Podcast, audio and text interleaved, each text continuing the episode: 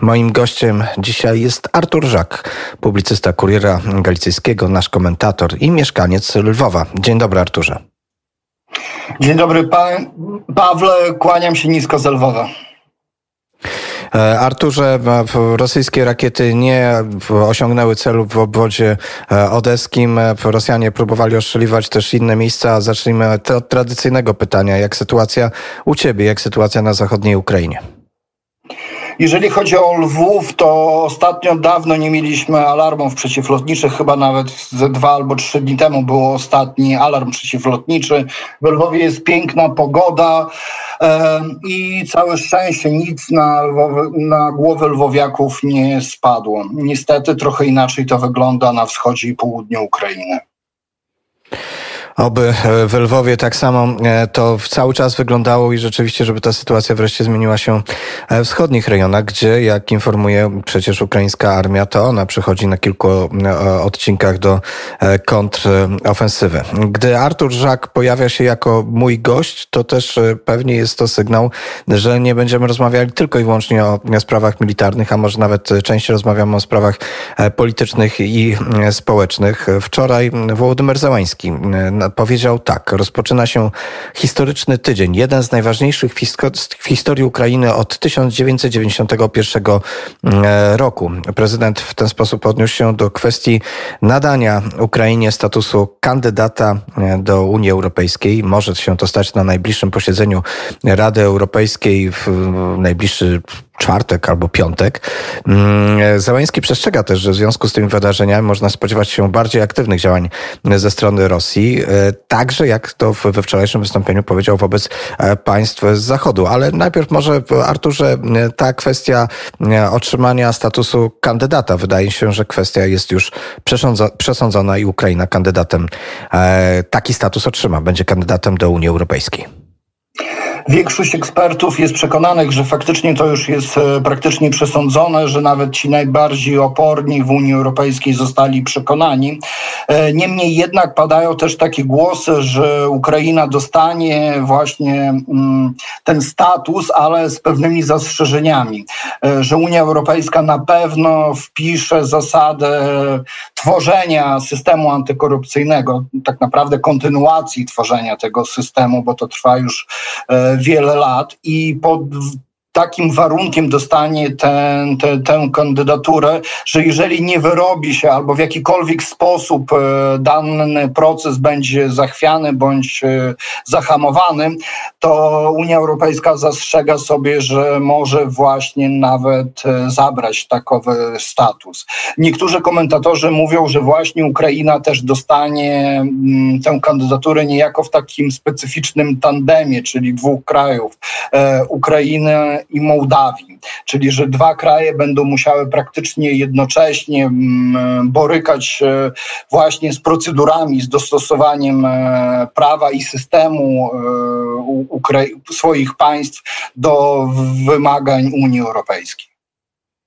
To jest e, ciekawy ten aspekt związany z Mołdawią, bo przecież Mołdawia jest teraz krajem e, bardzo zagrożonym przez Federację e, Rosyjską. Niektórzy z komentatorów uważają, że gdyby Federacja Rosyjska przypuściła atak na ten kraj, to właściwie Mołdawia mm, jest bezbronna. A jednak takie dyskusje wokół tego statusu kandydata chyba się nie toczyły, jak w przypadku Ukrainy.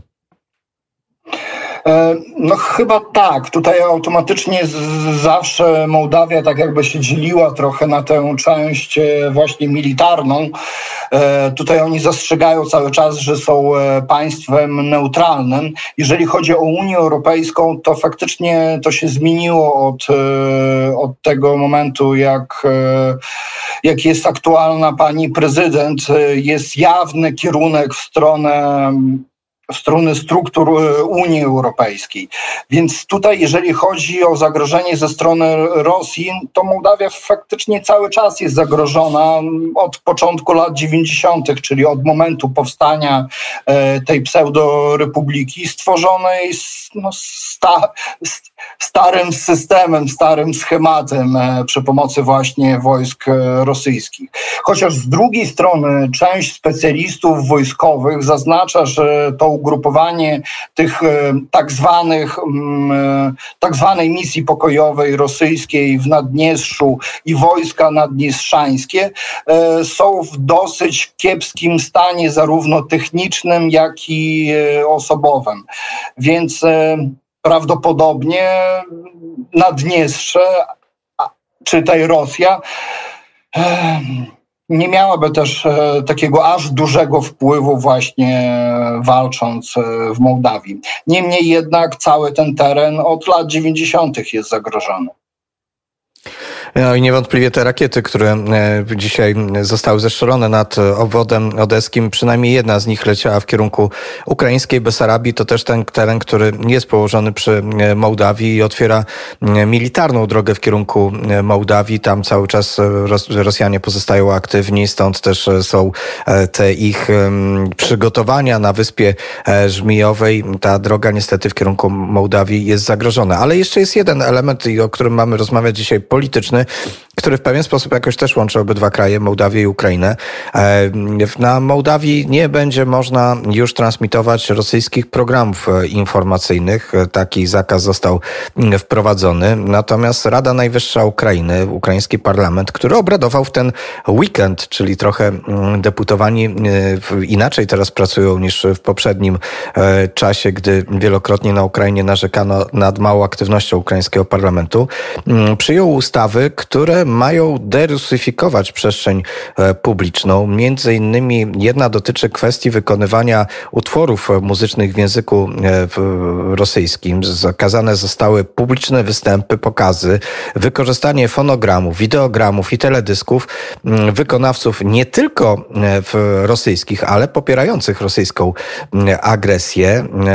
I ta kwestia, mm, te, te zakazy mają trwać przez cały okres stanu e, wojennego. Ukraińskie piosenki mają stanowić 40% w czasie antenowym mm, kanałów stacji radiowych, a w telewizji e, ukraińskiej materiały ukraińskojęzyczne mają stanowić 75% mm, e, prezentowanych treści. To też nie wszystko, bo z tym została wprowadzona kolejna jeszcze ustawa dotycząca zakazu importu książek rosyjskojęzycznych. Zakaz dotyczy również publikacji, których autorzy posiadają mm, obywatelstwo rosyjskie. Mm, nie będą publikowane, rozpowszechniane mm, książki w języku rosyjskim. Na Ukrainie mają być e, rozpowszechniane książki wyłącznie e, w języku ukraińskim, językach rdzennych e, i językach urzędowych Unii Europejskiej to dosyć takie duże uderzenie, ale jak o, myślę o tej kwestii języka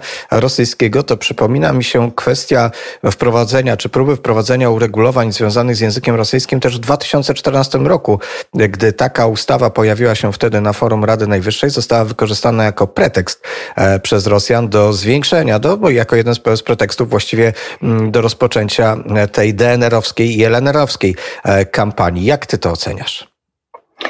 E, tutaj faktycznie na Ukrainie wszelkiego rodzaju kwestie związane z językiem, czy też właśnie z językiem państwowym, jakim jest język ukraiński, czy z innymi językami e, mieszkańców Ukrainy, którymi się oni właśnie na, na co dzień posługują, zawsze był wykorzystywany przez Federację Rosyjską. Zawsze padał ten argument, że mieszkańcy rosyjskojęzyczni są dyskryminowani, że język rosyjski został zabroniony. E, faktycznie nic takiego nie miało miejsca. Ta ustawa o języku państwowym i tak samo ustawa między innymi o edukacji, czyli tak naprawdę o porządku, w jaki w jaki działają szkoły na terenie e, Ukrainy, przywracała po prostu w dużej mierze tę normalność, czyli to, że właśnie język państwowy, język ukraiński powinien być właśnie w stosunkach obywatel-państwo e, na pierwszym e, miejscu.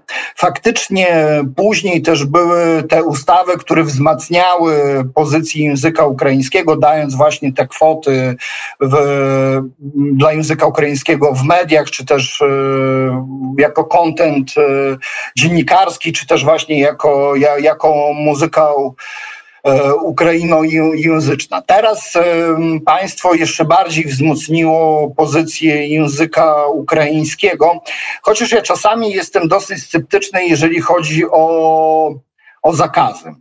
E, zakazy często nie są e, skuteczne, bo faktycznie język ukraiński e, wymaga podtrzymania przez państwo.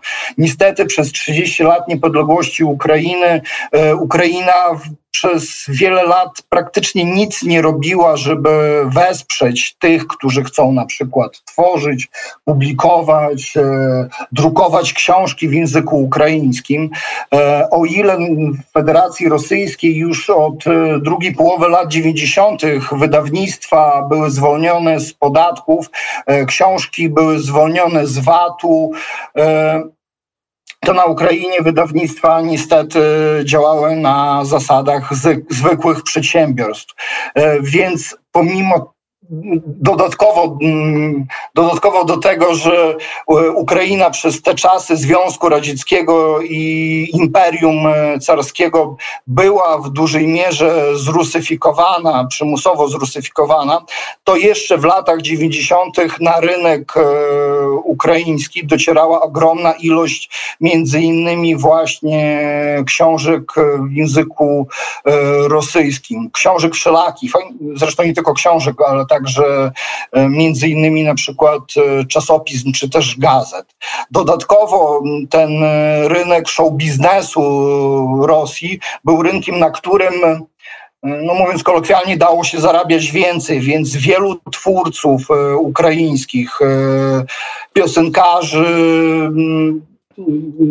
kompozytorów, czy też twórców wideo, czyli teledysków, pracowali, wybierali jednak e, Rosję, bo zwyczajnie zarobki były tam e, wyższe. Plus do tego tworząc właśnie ten, e, mówiąc nowomową, content, człowiek często, twórca często wybierał ten język rosyjski, a to do tego, żeby poszerzyć swoje audytorium, więc no i dalej docelowo, żeby więcej zarobić. Więc takie działania, jakim są teraz właśnie z wprowadzeniem wprowadzeniem tych bardziej restrykcyjnych kwot e, są, są dobre, ale zatem też powinno iść, e, powinno iść wsparcie właśnie dla tych, co wydają ten ukraiński kontent. E, nieważne, czy to są książki, czasopisma, czy też na przykład kanały na, na YouTube.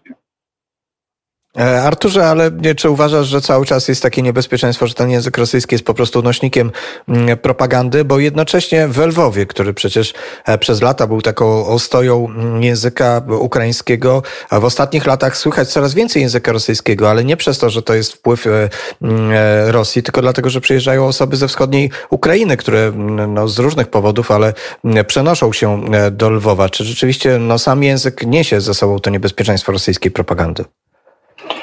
E, myślę, że z jednej strony tak, e, bo, bo wystarczy zobaczyć, e, gdzie są najbardziej wytężone walki, gdzie Rosja najbardziej zaciekle atakuje. Atakuje właśnie regiony, w których jednak ten język rosyjski był językiem dominującym, przynajmniej jeżeli chodzi o, o, o codzienność. Chociaż z drugiej strony ja przez lata pracowałem z ukraińskimi żołnierzami i szczerze powiem, że myślę, że co najmniej połowa tych żołnierzy była rosyjskojęzyczna e, i co najmniej jeszcze jedna trzecia posługiwała się tak zwanym surżykiem, czyli taką mieszanką. I, i, nie, i nie, nie zabierało im to patriotyzmu nie zabierało im to niczym patriotyzmu. O tym samym myślałem, Arturze, e, bo przecież e, gdy ogląda się e, w sieci filmy, które są wrzucane przez czy, czy ukraińskich żołnierzy, czy, czy aktywistów, czy przez ukraińską armię, to bardzo często właśnie słychać, że język, który jest wykorzystywany w armii, ukraińskiej armii, to najczęściej język rosyjski. Zgadza się, chociaż z drugiej strony y, ja uważam, że język y, tak naprawdę kreuje narodowość, y, determinuje właśnie to przywiązanie, przynależność do danego narodu. Oczywiście nikt nie może narzucać, jakim językiem ktoś ma się posługiwać nie wiem, w domu, wśród swoich bliskich, ze znajomymi. I tak dalej. Niemniej jednak ten język, te relacje obywatel-państwo powinny być właśnie oparte o język państwowy.